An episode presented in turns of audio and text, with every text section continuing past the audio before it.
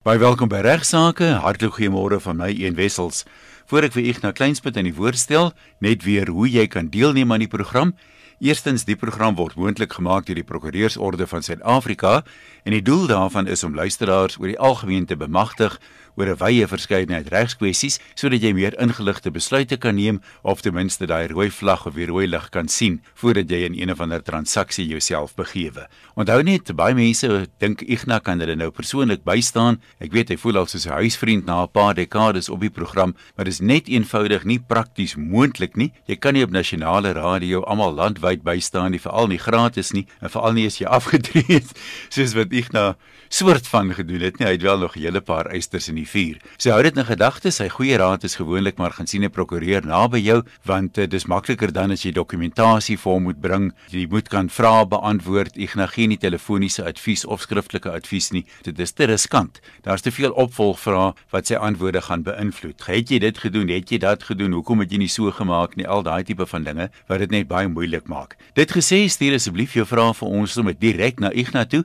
Ignas by 4 www.co.za. En hou in gedagte dat ons die programme dikwels vooruit opneem, so as jy nou 'n dringende vraag het, is dit ongelukkig nie moontlik om dit volgende week te behandel nie. Die kans is baie goed dat dit eers oor 'n maand of 2 ter sprake sal kom. As jy nie maandag 11:30 na regsaake kan luister nie, onthou die programme is almal as potgoeie beskikbaar. Jy gaan na die webwerf toe rsg.co.za, klik bo aan die bladsy op potgooi, dan maak daar 'n nuwe bladsy oop, dan kan jy kies of jy dit luister op jou selfoon of op die web, jy oefen daai keuse uit en dan is daar programme alle. Nou as jy by alle klik, dan kan jy alfabeties afrol tot by regsaake, dan is daar 'n opname van al die programme en 'n kort opsomming ook van die inhoud, so jy kan of net daarna luister of jy kan dit aflaai op jou rekenaar as jy dit graag wil hou vir die toekoms. Dis my storie, kom ons stel vir Ignas in die woord. Ignas, hallo en baie welkom soos altyd. Ja, goeiemôre luisteraar. Dankie Ian. Uh ook uh, dankie vir almal wat inskakel. Ek dink hier hier die uh, Kerstyd kry ons baie keer ook nuwe luisteraars wat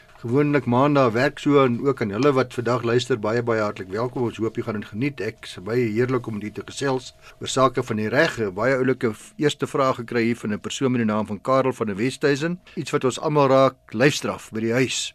Hy sê my navraag is blom met die uitspraak van regter Colleen Kitey in Oktober 2017 wat soos ek dit verstaan beteken dat ouers wat hulle kinders op pak slaag gee krimineel vervolg kan word selfs indien hulle lyfstraf binne redelike perke toepas en ook al beroep hulle hulle op geloofs-oortuigings. Die saak is deur Freedom of Religion South Africa voor die Hoogste Hof gebring na die bevinding van die Suid-Gautengse Hooggeregshof en hy sê die konstitusionele hof heeltemal reg meld hy het dan in, op 19 September bevestig dis nou hierdie jaar dat lyfstraf in private huishoudings onwettig is en ook nie op grond van geloofs-oortuigings geregverdig kan word. Nou het jy drie vrae hieroor. Wat in gewone taal is die moontlike regsimplikasie vir ouers wat hulle nie aan die uitsprake steur nie, maar voortgaan om lyfstraf as metode van dis dissipline toe te pas? Tweedens, wat is my plig as wetsgehoorsame burger? Indien ek byvoorbeeld in 'n winkelsentrum is en ek sien hoe 'n ouer sy kind 'n raps deur die bout gee, behoort ek 'n klag daaroor te lê? Kan ek as meer pligte beskou word indien ek versuim om op te tree? Dan sê hy is bewus van 'n wet wat bepaal dat iemand wat kennis dra van 'n seksuele misdryf teenoor kinders dit onmiddellik moet aanmeld en dit versuim moet te doen tot vervolging kan lei. Dan derdens sê indien ek as 'n leraar uh, of godsdienstige leier sou voortgaan om lede van my geloofsgemeenskap aan te moedig om hulle kinders pak slaag te gee, kan ek dan strafregtelik vervolg word. Uh, hy verwys dan hier tereg na artikel 16.1 van die grondwet wat die reg op vryheid van uitdrukking daarstel, maar ook artikel 16.2 wat dit baie duidelik maak dat die aanstigting van geweld en aanhitsing om leed te veroorsaak onder andere gebaseer op godsdiens nie omvat word deur subartikel 1 nie dat dit uitgesluit is. Met ander woorde, hy vra ek iemand my aankla met ek byvoorbeeld na aanleiding van Spreuke 13 vers 24 van my gemeente preek dat ouers hulle kinders moet pak slaag gee, dat dit verwag word. Dit ja. kom eintlik ook neer op aanhitsing om 'n misdaad te pleeg, né? Ja, hy seker iemand my dan aankla met ek byvoorbeeld 'n aanleiding van hierdie spreuke daai die by gemeente aanhits of kan ek as medepligtige aangekla word? So gaan hy aan met met baie oulike vrae. Hy sê let wel die laaste vraag is 'n teoretiese jurisprudensie. Hy sê dat uh, ek het geen voorneme om te doen nie. Hy uh, wat hy's bang ek Ek vra namens ja, iemand anders. Ek sê dit inteendeel, hy sê ek's inteendeel ten gunste van die 2017 uitspraak en die handhawing daarvan ook vir die konstitusionele hof betref. So hy's ten gunste van die hele so saakie. Maar ek dink hy vra baie oulike vrae en baie uh, interessante vrae. So baie dankie daarvoor uh, Karel. Nou, die opskrif wat ek hier vir hier by my antwoord vir myself neergeskryf het, toe ek nou 'n paar gedagtes hier neergeskryf het is, uh julle kan nou maar dag gaan rook in die huis, moet net nie daarna vir die kinders 'n pak slaag gee nie.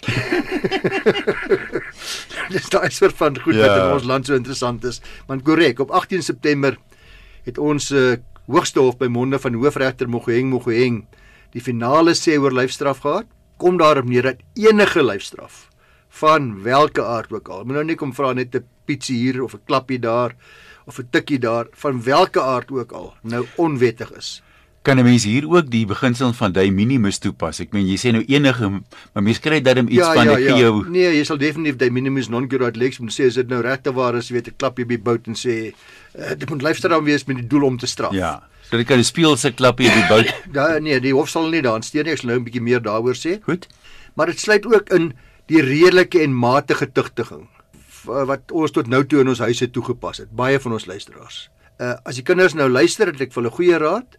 Naamlik as mamma of pappa waag om jou net 'n hou op die bou te gee, dan gaan jy dadelik na die polisieman toe oom en jy sorg dat hulle toegesluit word. Jy weet dis nou eintlik wat dit op neerkom.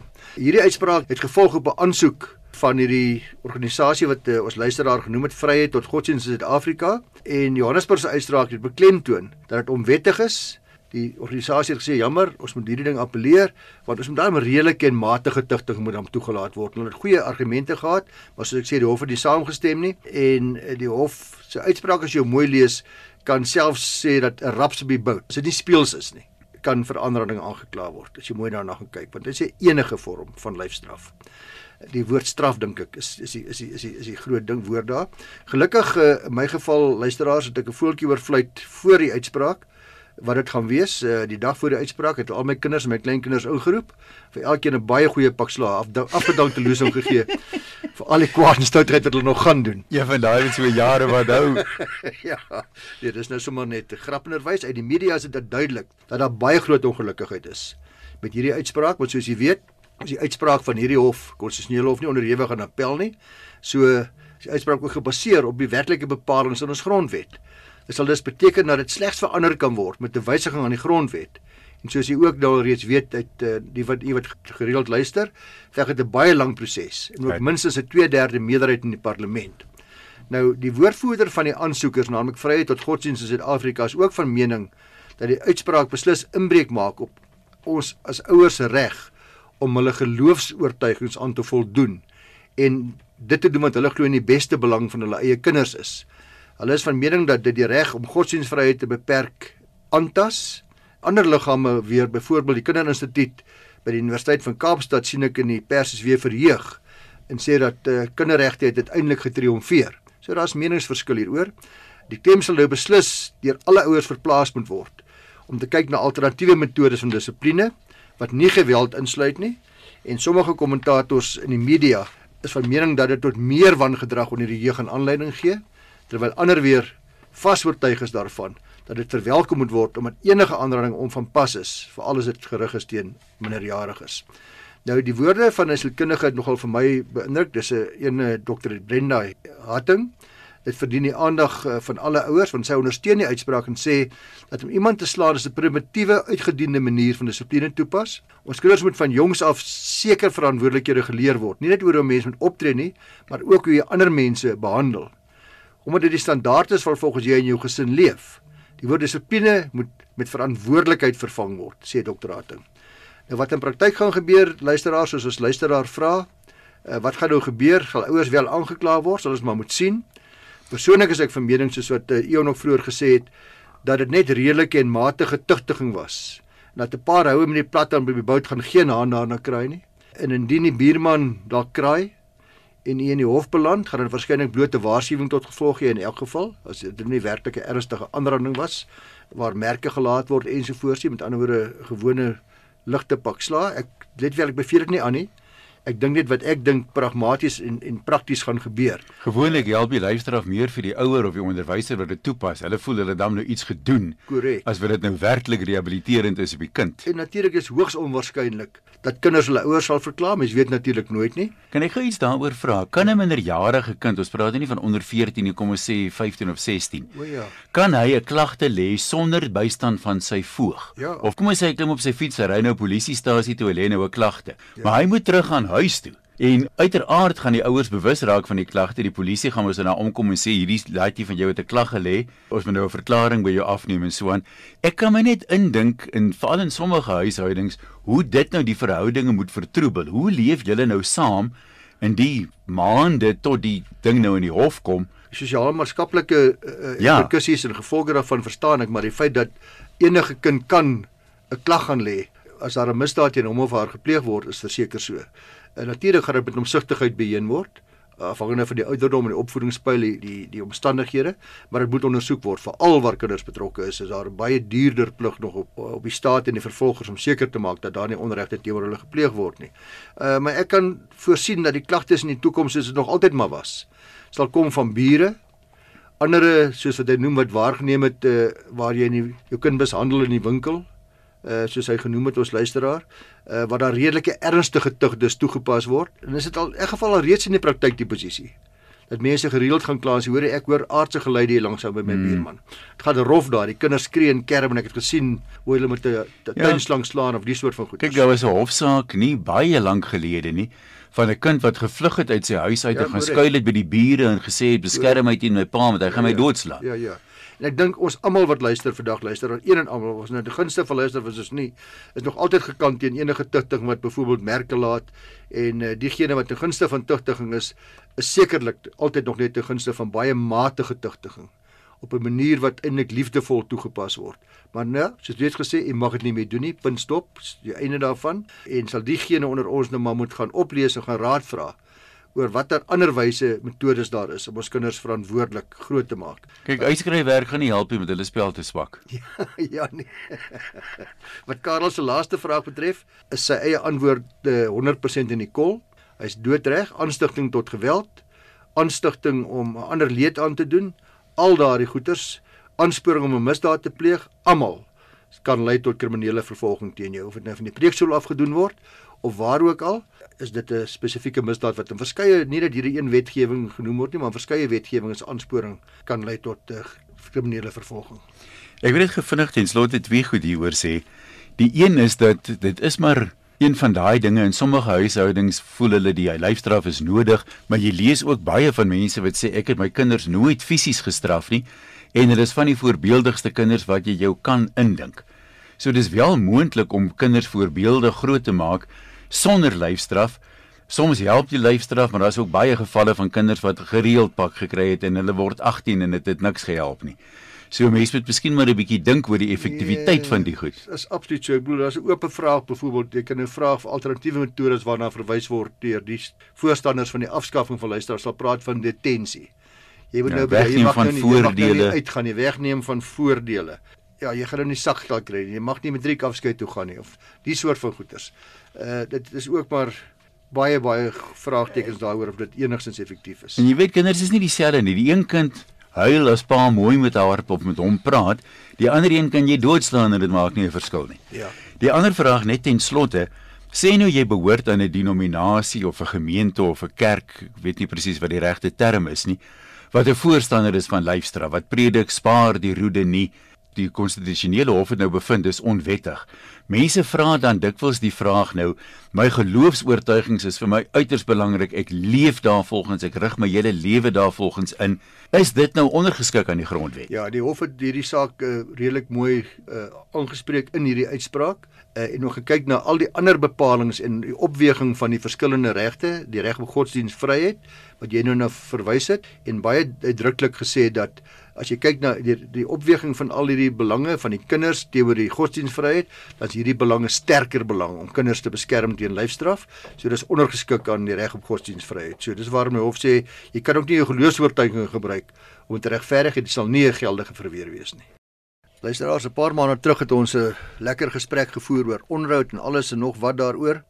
het 'n briefie gekry van 'n uh, Yuri Els. Ek glo nie dis die Yuri Els seker wat uh, wat wat die ou sanger, sanger was nie.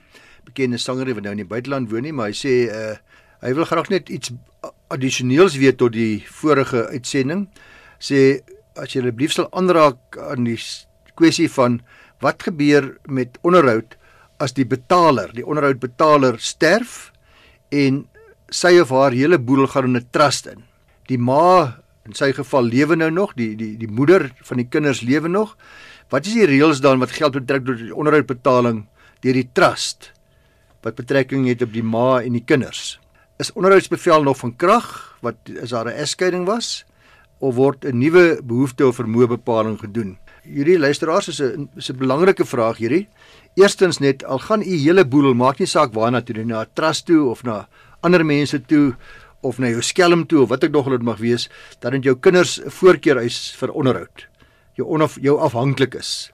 Nou afhanklik is as dit jou kinders is, geen twyfel nie, hulle kan 'n eis teen jou boedel instel. Daardie eis sal behoorlik bereken word deur 'n uh, aktuariële berekeninge en veral vir jong kinders sien jy dikwels dat daardie eis die hele boedel uitwis. Jy hmm. weet dis nou daar skuldeisers nou betaal is en so aan. Afhanklik is in hierdie konteks kan ook 'n gade wees hierdie, as hy afhanklik was ja, van jou. Ek gaan nou daarby kom. Met ander woorde as die eerstens die kinders gaan eis is daar ander afhanklikes is soos die ma as sy op die oomblik van die afsterwe nog getroud was met die man, dan is die wet op die onderhoud van die langslewende gades van toepassing. Daardie wet maak spesifiek voorsiening dat 'n afhanklike wat nog getroud is op die oomblik van afsterwe 'n eis het teen die boedel maar natuurlik moet so 'n persoon dan bewys dat daar behoefte is die afhanklik as 'n begunstigde as hy dan ook 'n begunstigde van die trust is kom ons net daarby nou is daar 'n trust as daardie trust byvoorbeeld hierdie minderjarige kind en die ma as begunstigdes aangestel het. Dan is dit twee begunstigdes.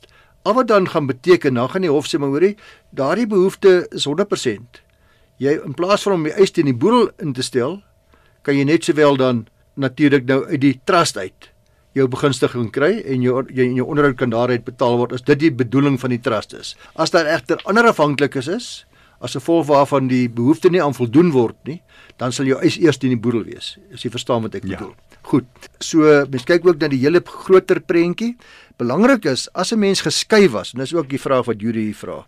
As jy geskei was op die oomblik van afsterwe, dan is dit baie belangrik dat jy as jou egskeidingsbevel niks gesê het oor die verlenging van jou onderhoudseis na afsterwe nie, dan verval jou egskeidingsbevel se onderhoudsbevel op datum van afsterwe. Met ander woorde, sê net maar jy sê ek kry R1000 'n maand en R1000 het nou tussen 10000 geword, môre sterf my eggenoot.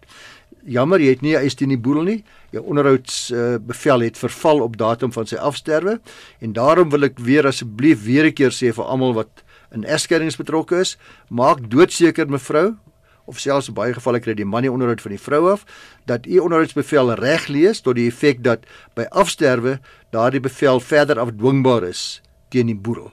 Dan is u onderhoudsbevel lewenslank so maak asseblief baie baie seker daarvan. Uh, ja ons het nog baie tyd Ignas. Ek het 'n e-pos ontvang van 'n anoniem wat sê sy's 'n uh, klompie maande swanger.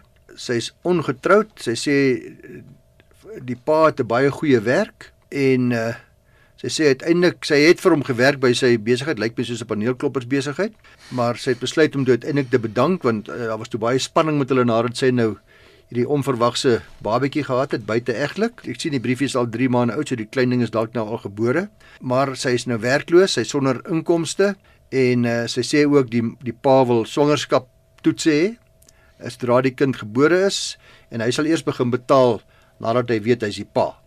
En dit gebeur baie gereeld. Sê sorry, ek sien die pa nie en baie keer is dit net suiwer hartvogtigheid en en en skok en nie soort van dinge. En nou wil sy weet hoe werk dit nou? Kan sy vir haarself onderhoud eis terwyl sy swanger is? En sy sê ook daar's 'n klomp kostes wat aangegaan moet word, bevallingskoste, uitgawes, sy het nie mediese fonds nie, sy het nog geen inkomste nie. So ek sê sy het bedank as gevolg van die feit dat daar te veel spanning by die werk was waar sy vir hom gewerk het. Ek gaan nie die dame se naam noem of haar dorp nie of ook nie die naam van die van die pa nie. Algemene reël is dat 'n ma nie geregtig is op onderhoud van die biologiese pa van die kind bloot net omdat sy verwagtend is. Net die feit dat sy verwagtend is maak haar nie geregtig op onderhoud nie. Dis in 'n sekere sin eintlik baie jammer dat sy nou bedank het want sy was natuurlik geregtig op kraamverlof En nou soos ons weet, sou daar sekere arbeidsregtelike geskille en vraagstukke in werking getree het indien haar man haar verplig het om die diens te verlaat. Sou sy sekere regte teen haar werkgewer gehad. Die feit dat hy ook die pa van die kind is, is irrelevant. Hy is ook die werkgewer en daar sou die arbeidsreg haar haar gehelp het. Maar uh, in die opsig kan sy nog steeds advies gaan kry by 'n arbeidsregspesialis. Ek dink die feit dat sy vrywillig volgens haar eie skrywe bedank het, sal waarskynlik haar saak redelik erg benadeel. Maar met betrekking tot die gewone onderhoud, is dit wel so dat die moeder van 'n ongehuide baba wel geregtig is om sekere uitgawes van die biologiese vader te eis. Baie belangrik. In Engels praat hulle van die lying in expenses, die bevallingskoste, lying in expenses. Uh, al die uitgawes verband met swangerskap, dis baie mediese uitgawes wat aangaan, hospitaalkoste en ook wanneer die baba gebore is. Indien die pa natuurlik erken het dit sy kind is, kan hy dit natuurlik van sy mediese fonds verhaal. En, en dit is baie keer dom om maar net kop in die sand te steek en te maak of jy nie die pa is nie, want dan nou ver, nou nou benadeel jy jouself ook want jy jou mediese fonds uh sal uh, buiteegtelike kind normaalweg ook aanvaar as 'n uh, afhanklike uh, wat jy erken jy is die biologiese pa. In die geval waar die ma geen inkomste het nie en die pa 'n goeie werker is in hierdie geval, sy beslis verantwoordelik vir alle swangerskapskoste en dit moet daarmee daarmee te help. Daar's geen twyfel daaroor nie. Hierdie uitgawes is, is dan veronderstel om by te dra tot al die redelike koste wat sy het as gevolg van haar swangerskap terwyl sy die baba dra en ook terwyl sy voorberei vir die geboorte. Dit sal byvoorbeeld insluit goed so sê net maar vitamienepille, kraamklere, uitgawes soos 'n motorsitplek sodra die klein ding gebore is, eh, stootwaandjies. Ag al die soort van dinge wat normaalweg redelikerwys noodsaaklik is om jou baba die lewe te bring en daarna onmiddellik na die geboorte te versorg. Dis nie normale onderhoud nie, is sy dit ook indirek in onderhoudskoste gedurende die swangerskap. Moeders wat self ook nog 'n inkomste het, sal natuurlik nie al die uitgawes kan verhaal nie, maar pro rata moet hulle dan ook 'n bydrae maak verhouding met hulle inkomste. Uh onderhoud vir die kind kan slegs geëis word sodra die kind gebore is. So onderhoud self, ons ek het nou gepraat so van al die uitgawes verbonde aan die swangerskap. Dis nie regtig is indirekte vorm van onderhoud, maar die werklike onderhoud per maand is eers betaalbaar vandat die kind inderdaad gebore is, maar die onderhoudsbeampte sal dan ook geregtig wees om 'n bevel te maak wat alle uitgawes insluit wat aangegaan is met die geboorte van die kind tot op die datum wanneer die onderhoudsbevel gemaak word. Kom ons sê die pa het nou van hierdie uitgawes gedek, die bevallingskoste en al hierdie goed en hy doen nou vaderskap toets en hy kom agter hy is nie die pa nie. Ja. Het hy dan 'n eis daarvoor teen die ma aan wie hy die ja, geld ja, ja. betaal het? Indien dit nou beteken dat die pa weier omdat hy vaderskap ontken, soos in hierdie geval lyk vir my die die saak ja. is, in vaderskap eers 'n paar maande na die geboorte bevestig word, dan sal sy geregtig wees om terugwerkend al hierdie gelde te eis vanaf hom om net eers haar situasie te verduidelik. Sy sal terugwerkend daar al die goed wat sy nou wat sy nou gesukkel het om te kry. Ja. Sy moet haar fakture mooi hou uh, en ook dan onderhoud te, van hom te eis vanaf die datum van geboorte. Sien nou maar die vaderskapstoets is nou eers baie maande daarna. Hou jou faktore, hou al jou uitkope, al die ander uitgawes. Dieselfde geld ook dikwels dat pa sal dan kom sê, hoor hier so goed, ek sal help. Maar ek dring aan op 'n vaderskaptoets op voorwaarde dat dit terugbetaalbaar is. As ek dan inderdaad nie die pa is nie en uh, dikwels is is dit dan nie oor die opkomste wat tussen die prokureurs bereik word dat dit terugbetaalbaar is maar is maar bietjie van 'n onpraktiese reëling want uh, heel dikwels is die moeder in elk geval hoegenaamd nie in staat om daardie ja. terugbetaling te maak nie nou ek het al in die verlede met met biologiese ouers gepraat en 'n uh, en is daar ooreenkoms bereik tot die feit dat die paas help met alle uitgawes en, en dan sal hulle begin betaal vir die baba vanaf datum van geboorte dis 'n billike oplossing En want ek het ook al en ek dink almal sal dit bevestig teëgekom, nie een keer nie, meer as een keer in my loopbaan dat daar negatiewe uitslae was vir toetse. En dan is dit natuurlik 'n uh, eh, dikwels baie moeilik en dan word daar baie kwaadlik geneem en daar's baie spanning. Maar nou ja, mens kan niks daaraan doen nie. Ek waardeer dit altyd as 'n pa wat twyfel. Tog bereid is om intussen maar 'n bietjie hand in die sak te steek, maar op die basis dat dit kan terugvorder. Net nog 'n lastige vraag daaroor wat nou by my opkom. Kom ons sê die pa help. Hy daar's tog nie bewys hy's die biologiese pa nie. Hy help, hy betaal van die kostes. Nou na die bevalling blyk dit hy's nie die pa nie, maar die werklike biologiese pa word nou geïdentifiseer, kom ons sê in die eerste jaar van die kind se lewe. Die onkoste wat die pa nou betaal, kan dit net van die ma verhaal of kan hy vir daai biologiese pa sê, hoorie, jy moes eintlik hierdie goed betaal het, ek eis dit nou van jou. Nee, hy kan dit net direk, daar's geen daar's nie 'n nexus, daar's geen verband, regsverband tussen hom en die en die werklike pa nie. Hy kan dit terughuis van die ma. Kom ons sê hy dagvaar nou die ma daarvoor. Dan kan die ma natuurlik die werklike pa voeg as 'n tweede verweerder. Aha. en sê weet jy wat nee, ek weet ek moet dit terugbetaal, maar en ek wil ek jou- persoon jou en ek, en ek jou probleem. So op die manier ontsnap sy dan nou die onmiddellike betaling deur te sê ek voeg hom as 'n tweede verweerder by my saak in die Landdroshof uh, of waar ek nog al die eis ingestel is, normaalweg Landdroshof. Maar dikwels sal 'n mens dan maar die die werklike pa kontak en sê meneer, hier is die werklikhede. In plaas van ons om hierdie hofsaak aangaan en gaan almal 'n fortuin kos, wil jy nie maar bykom nie en uh Ian, soos ek al voorheen gesê het, onthou net ook dat in al hierdie gevalle daar's ook 'n wederkerige en 'n wederwysige onderhoudsplig op grootouers waar die kinders nie kan bydra nie en dis nogal dikwels dat ons in hierdie gevalle van buiteegtelike kinders veral waar nie een van die ouers 'n bydrae kan maak nie. In ons luisteraar se geval werk die pa daarom nou. Hy het 'n redelike inkomste, dis nie 'n probleem nie, maar kom ons sê nou maar albei van hulle was werkloos en daai klein ding moet versorg word, dan sou die ma op die grootouers ook kon staat maak. Hmm. Ons het 'n hele program daaraan Ja, gewy nie ja. baie lank Ja, gelede ja, nie. ja. Ek nou dis alwaar ons gaan tyd hê. Jy kan weer na regsaake luister by rsg.co.za klik daar op potgoeie en dan gebruik jy regsaake as soekwoord of rol af tot regsaake. Jou vrae vir beantwoording kan jy direk vir Ignas stuur igna by ffd.co.za. Mooi loop, ons praat volgende maandag weer.